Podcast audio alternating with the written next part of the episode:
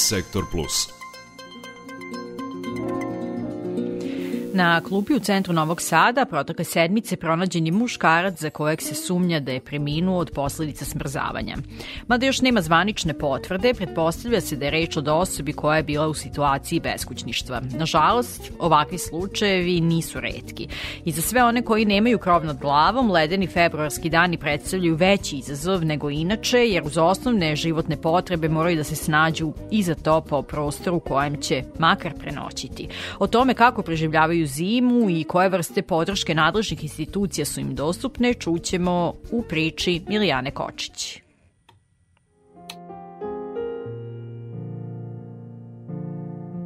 Zima donosi brojne brige beskućnicima, a osim hladnoće i nemogućnosti da se snađu za topao prostor u kojem će provesti bar deo dana ili noć, neophodni su im i hrana i topla odeća. Zato su, kako kaže jedan od njih, Milorad iz Novog Sada, u takvim situacijama više međusobno solidarni kako bi što lakše prošli kroz ovaj težak period godine. Tako da se trudimo, ne znam koliko, ko ima, podelimo i kafu i čaj i trudimo se da uspemo nekako da preživimo, do proleća. A e šta proleće donosi, to onda...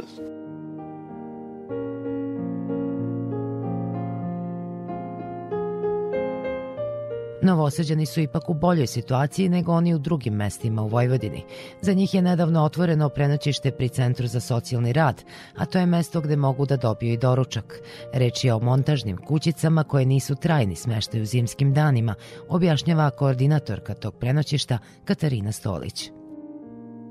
Naš cilj ovde i jeste da se ljudi ne zadržavaju dugo, nego da se pruži ta trenutna i urgentna usluga za lica koja su na ulici, a onda se dalje sa njima rade procene potreba i pružaju se usluge faktički da ko može da izađe iz eh, stanja beskućništva.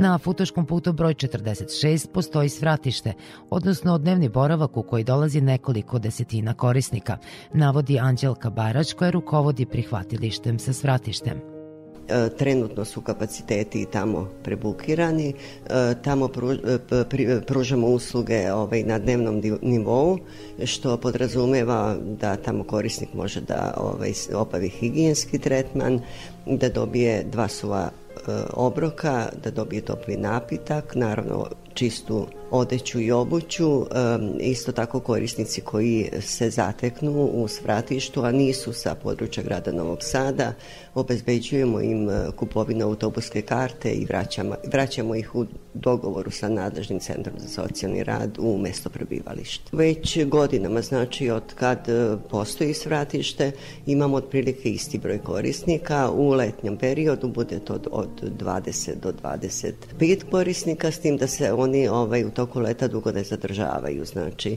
a u zimskom periodu imamo daleko više, to je svake godine podjednak broj, To je od 35 do 40 korisnika i oni se naravno, ovaj, kad je hladno, duže zadržavaju u prostorijama boravka.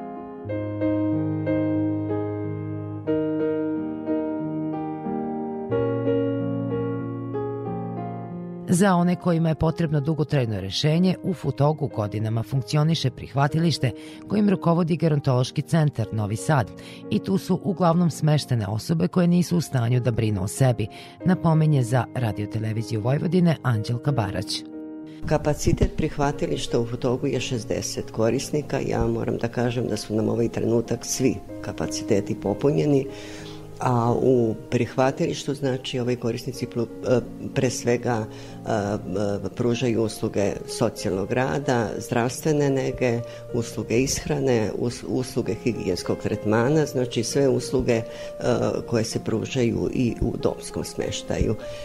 Korisnici ovde ovaj, borave od šest meseci i nažalost do više godina moram naglasiti da mi imamo korisnike koji su srednje životne dobi, mlađe životne dobi i starije životne dobi i da je ovaj, jako teško ovaj, korisnike koji su mlađe životne dobi, koji nemaju ličan dokumenta i koji nemaju čak ni prebivalište ovaj, e, na području grada Novog Sada izmestiti u neku drugu adekvatnu ustanovu socijalne zaštite.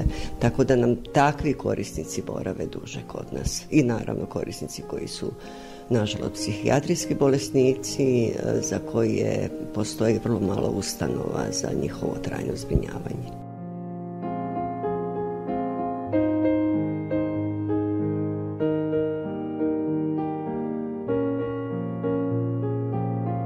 Naš sistem socijalne zaštite i dalje nema rešenje za određene kategorije stanovništva, odnosno za pojedince koji su bili deo tog sistema, a onda ostali prepušteni sami sebi, ocenjuje socijalna radnica Anđelka Vujanić ja bih spomenula ljude koji su odrasli u sistemu socijalne zaštite kao dece bez adekvatnog roditeljskog staranja i koji su posle svih tih godina boravka u domu ili nekoj hraniteljskoj porodici završila na ulici. Mislim da tu negde smo mi kao stručnjaci u sistemu socijalne zaštite zatajili. Da je reč o situaciji koju bi trebalo što pre sistemski rešiti, pokazuje i podatak da od stotinu korisnika stratišta za beskućnike, koliko ih ima na godišnjem nivou, svaki deseti je mlada osoba koja više nije deo sistema socijalne zaštite.